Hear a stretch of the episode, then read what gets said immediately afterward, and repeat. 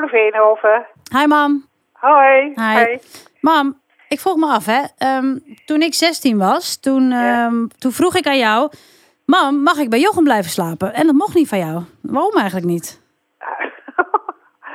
ik, ik had helemaal niet de indruk dat het zo dik aan was en dat je zo dol op hem was. Maar toen een paar weken later was ik 17 en toen mocht het opeens wel. Nou, of dat een paar weken later was, dat kan ik me echt niet hoor. Dat, nou ja, het lijkt me sterk. Maar eh, en opeens wel. Bij wie? Eh, bij Jochem? Ja. Bij, die, bij Jochem? Nou, mam, sorry. Dit, misschien is dit heel chockerend voor je, maar ik ben destijds bij Jochem blijven slapen. Meerdere Oh. keren. Nou ja, met of zonder pil? Nou, toen mocht ik van jou ook aan de pil opeens. Toen ik 17 was, zei je, Nou nou ja, ga dan maar aan de pil. Ik, ik moest.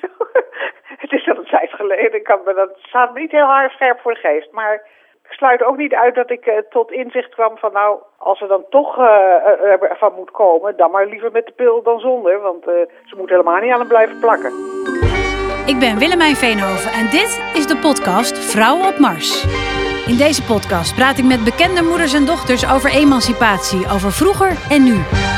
Aflevering 3, Vrij, Vrijer, Vrijst, over seksuele gelijkheid. Ze was natuurlijk al de slet, maar nu was ze de slet en de verrader. Dat mannen jagers zouden zijn en dat soort bullshit, dat zit wel echt heel diep geworteld. Barbara van Beukering en Milou Delen, moeder en dochter. Barbara is journalist en oud-hoofdredacteur van het Parool. Milou laat zich veelvuldig horen in het debat over seksuele vrijheid. Ik spreek ze bij Barbara thuis in Amsterdam. Milou, jij bent eh, pas 23 Ja, bekend geworden vanwege een filmpje over slutshaming.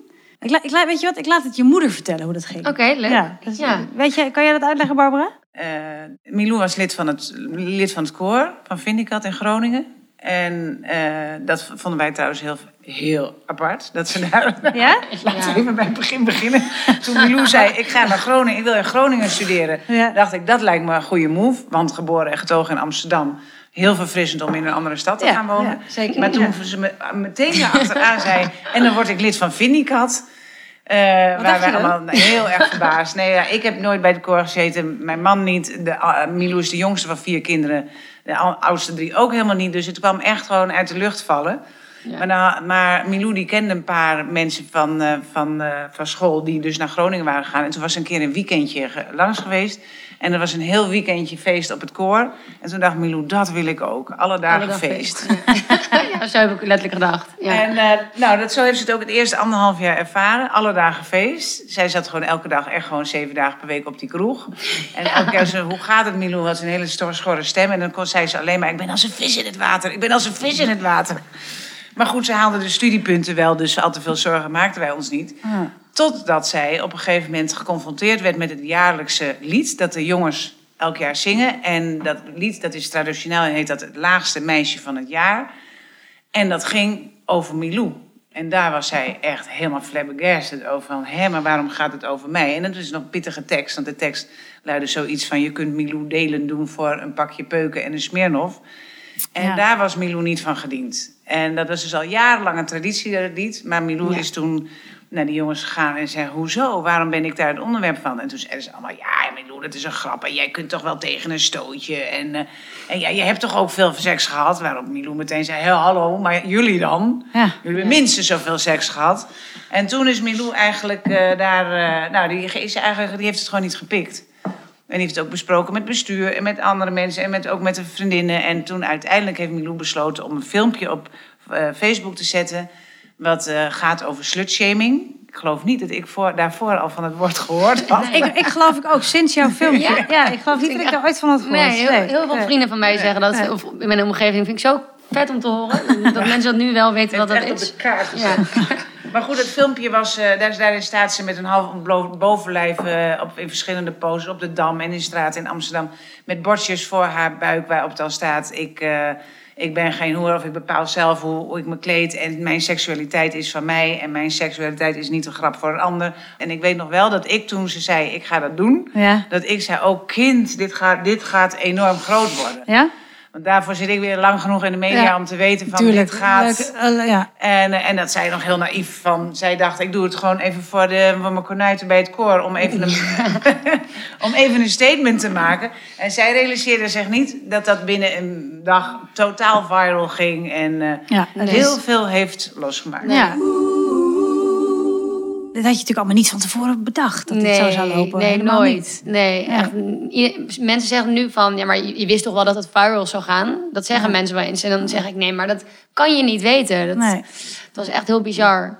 Maar Barbara, ja, het, het lijkt mij als moeder, ik ben het niet, maar je, je- Milou belt je op, mam, dit en dat is er gebeurd en ik ga er een filmpje van maken. Dacht- wat dacht jij? Nou, ik, maak, ik maak me niet zo snel zorgen om Milou. Nee? Omdat, nee, Milou is een stevige persoonlijkheid en eh, heeft een boel veerkracht. Dus in die zin. Maar ik maakte me wel een beetje zorgen over wat het zou veroorzaken. Dat, film, eh, dat filmpje. Omdat ik dacht, dat gaat A, gaat het viral. Dus er komt heel veel media-aandacht over haar heen. En ja, ik bedoel, een meisje van toen nog 21. Die daar helemaal geen ervaring mee heeft. Daar, dat, dat dacht ik van, hoe, dat, wordt- dat wordt heel pittig voor haar. Maar daarin heeft ze goed gestaande gehouden.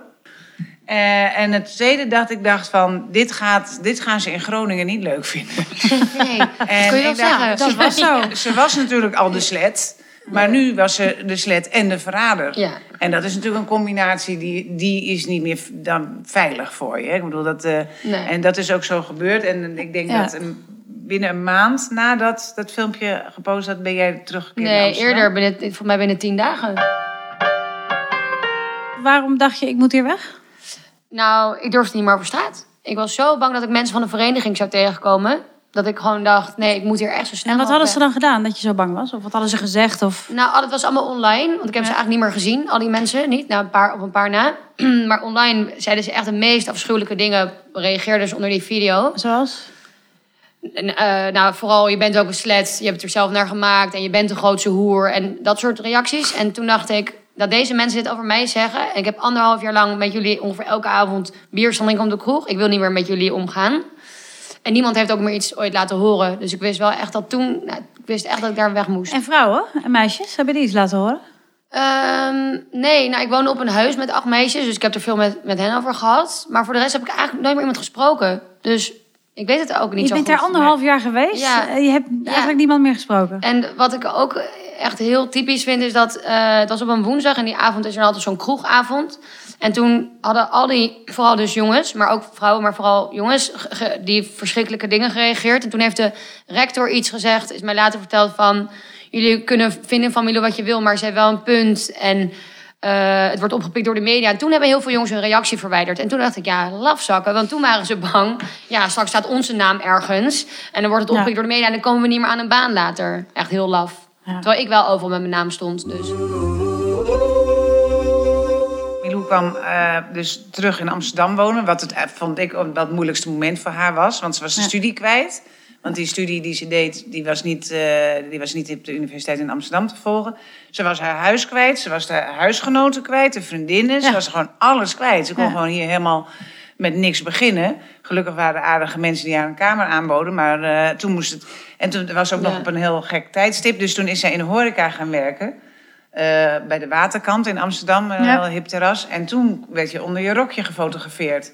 En ik denk dat dat, dat was drie maanden daarna of zo. Ja. En toen ben jij weer de barricade opgesprongen. En daar is het echt het definitieve zaadje van jouw activisme geplant. Ja, toen wisten mensen, toen, ik denk dat mensen toen realiseerden, oh, het is niet een eenmalige actie, maar Milou komt er echt voor uit. Milou vindt het echt belangrijk. En ik denk dat mensen dat toen wel goed beseften.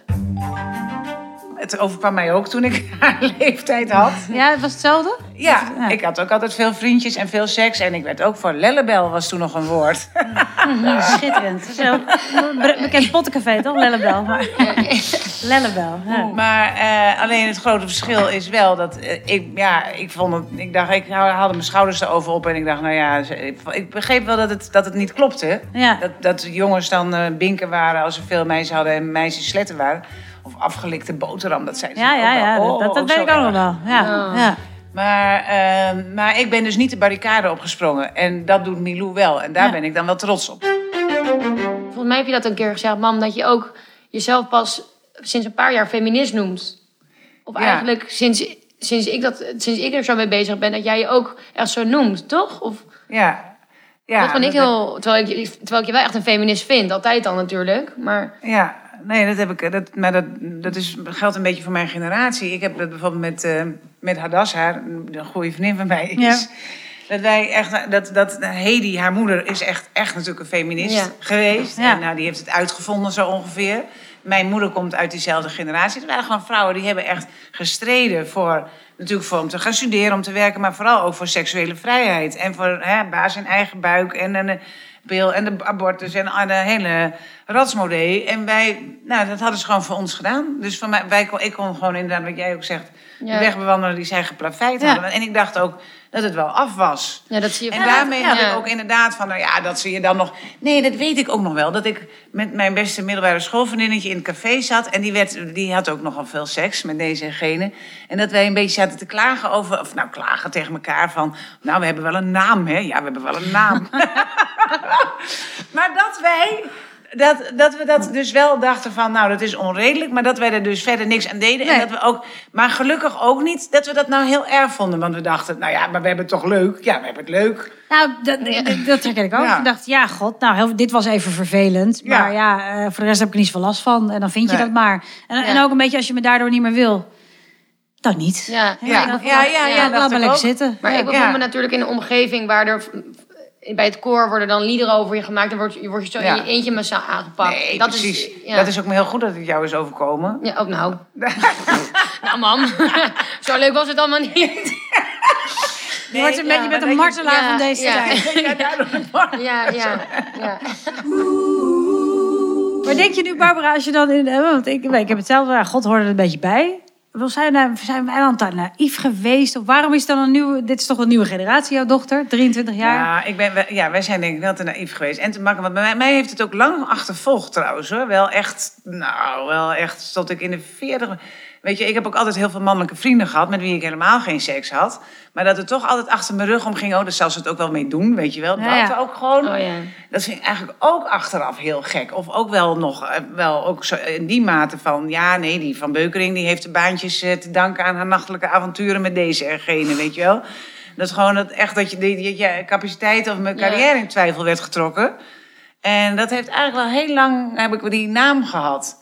En dat heeft ook wel misschien te maken met dat ik een feestelijk leven leid en veel uitga. Weet je, dan kleeft dat een beetje altijd aan je. Of dat je er leuk uitziet, weet ik niet. Maar goed, in ieder en, eh, Wat vond je daarvan dan? Wat, wat, want dat nou, wist je destijds ja, dus ik ook heb al. altijd. Ik heb dus altijd gedacht, gewoon stoïcijns niks van aantrekken. Ja.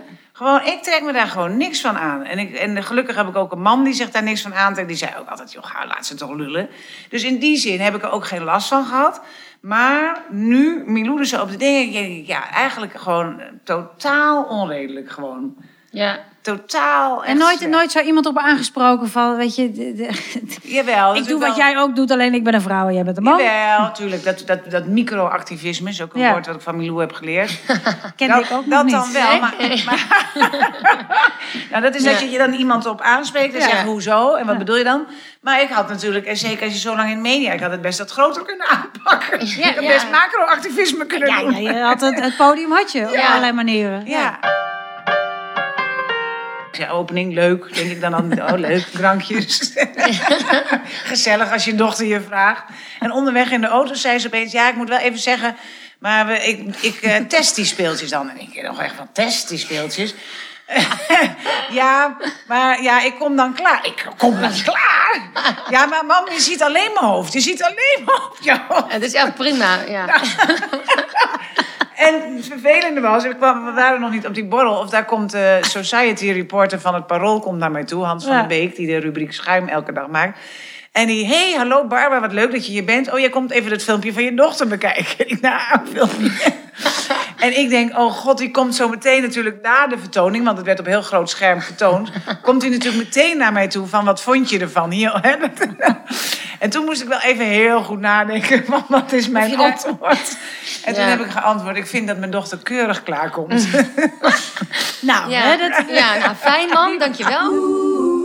Het zijn allemaal onderwerpen waar ik heel goed over nadenk. Ja. Het zijn geen impulsieve acties, ik denk er goed over na. Het zijn echt onderwerpen die ik belangrijk vind. En ik doe het dan Maar misschien... wat, wat vind je daar, wat wil je dan precies laten zien? Dat een vrouw überhaupt klaar Nou, komt? dat het, dat het, ja, nou, dat het vaak Voor sommige mensen ook nog is dat een verrassing. dat kan.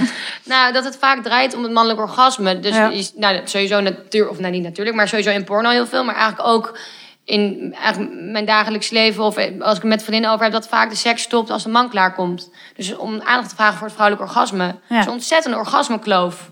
Orgasmekloof. Ja. Weer een woord geleerd. Ja, dat heteroseksuele vrouwen. Microactivisme, orgasmekloof. En... Ja, maar heteroseksuele vrouwen komen echt veel minder klaar dan heteroseksuele mannen. Dus dat, dat is dan een onderwerp wat ik heel belangrijk vind. En dan doe ik het op deze manier om er aandacht over te voor te vragen. Bijvoorbeeld een paar weken geleden heb ik eh, een tikkie gestuurd aan al mijn mannelijke bedpartners. eh, voor, de, voor mijn gemaakte anticonceptiekosten. Ja, ja. Ja, en daarover heb ik een stuk geschreven. En toen dacht ik, ja, ik kan ook een stuk schrijven van... hoi, ik ben Milou en ik ben voorgedeelde verantwoordelijkheid voor anticonceptie. Maar dat, je moet ergens toch een creatieve manier vinden om dit aan te kaarten... zodat het een groter publiek bereikt. Ja. Nou, dit is helemaal gelukt. Ik heb bij Powder over gepraat en ik ben Ja. er... Dus ja, ik weet niet. ja Doe dat- Barbara, ja. je dochter snapt wel hoe het werkt. Wij hebben onze dochters denk ik wel vrij, vrij opgevoed met seks. Maar altijd met een adagium, doe het zoveel mogelijk en probeer er zoveel mogelijk Ja. van te genieten. Was dat het adagium? Doe het zoveel mogelijk. Ja, ik vond altijd wel van doe het, nou, doe het zoveel mogelijk in die zin. Van, ik vind het heel belangrijk dat je er veel ervaring mee opdoet met seks. Want ik weet dat het ook moeders zijn die zeggen tegen hun dochter... eh, bewaar je lichaam voor de ware. Je lichaam is een kostbaar iets, dat moet je niet zomaar weggeven. Ik denk, weggeven, weggeven. Alsof er elke keer een stukje van je lichaam Ja. afgaat als je seks hebt. Maar ik heb juist altijd gezegd van probeer juist zoveel mogelijk ervaring met seks op te doen. Wel altijd natuurlijk met de restrictie, je moet er plezier aan beleven. Doe nooit iets tegen je zin in, dat vanzelfsprekend. Ja. Maar zoveel mogelijk, als je jong bent, veel bedpartners en veel eh, uitproberen, lijkt mij, ja, vind ik nog steeds heel verstandig. Met het oog op dat je je eigen seksualiteit goed leert kennen. En ook daardoor, eh, denk ik, een betere keuze op het laatste. of, eh, hè, als je voor iemand vast gaat kiezen, dan heb je tenminste Ja. wat ervaring. Lijkt mij verschrikkelijk als je maar met één iemand seks hebt je hele leven.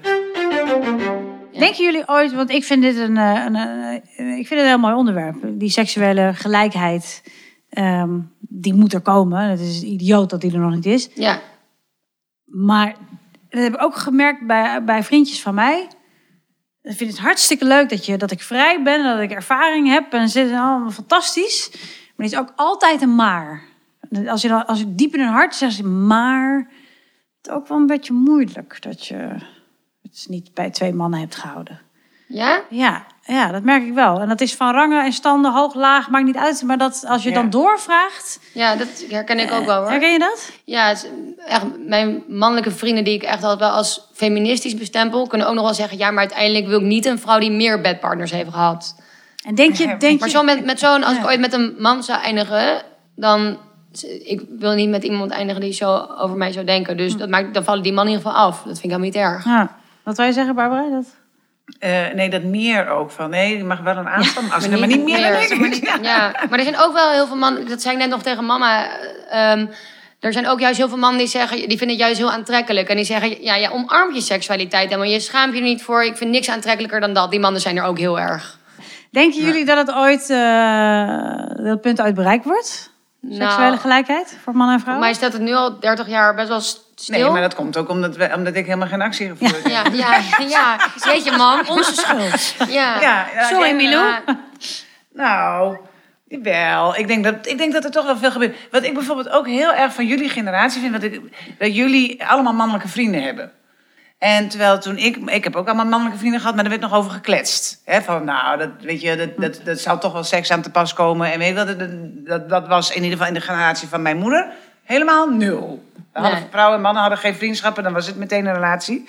En ik heb dat wel gedaan en toen was het nog af en toe eh, hè, nog over gekletst. En bij jullie is het echt normaal. Ja, het is echt normaal. En dat vind ik echt een hele grote... Want ja, echt, jullie beste vrienden zijn gewoon mannen. Dat geldt voor jullie, alle, van mijn, al, mijn dochters. Ja. Dus daarna zie je al, dat is, dat is gelijkwaardigheid. Hè? Dat is niet Ja. omdat zij met je nou naar bed willen. Nee, niks ervan. Ja. Jullie gaan gewoon eten en drinken en eh, dingen. Dus er verandert wel degelijk wat. Alleen, Ja, alleen die ideeën over man, vrouw en dat vrouwen, dat mannen jagers zouden zijn en dat soort bullshit, dat zit wel echt heel diep geworteld. Maar de, ja, er verandert denk ik wel iets. Anders, als ik niet optimistisch zou zijn, zou ik deze strijd niet voeren.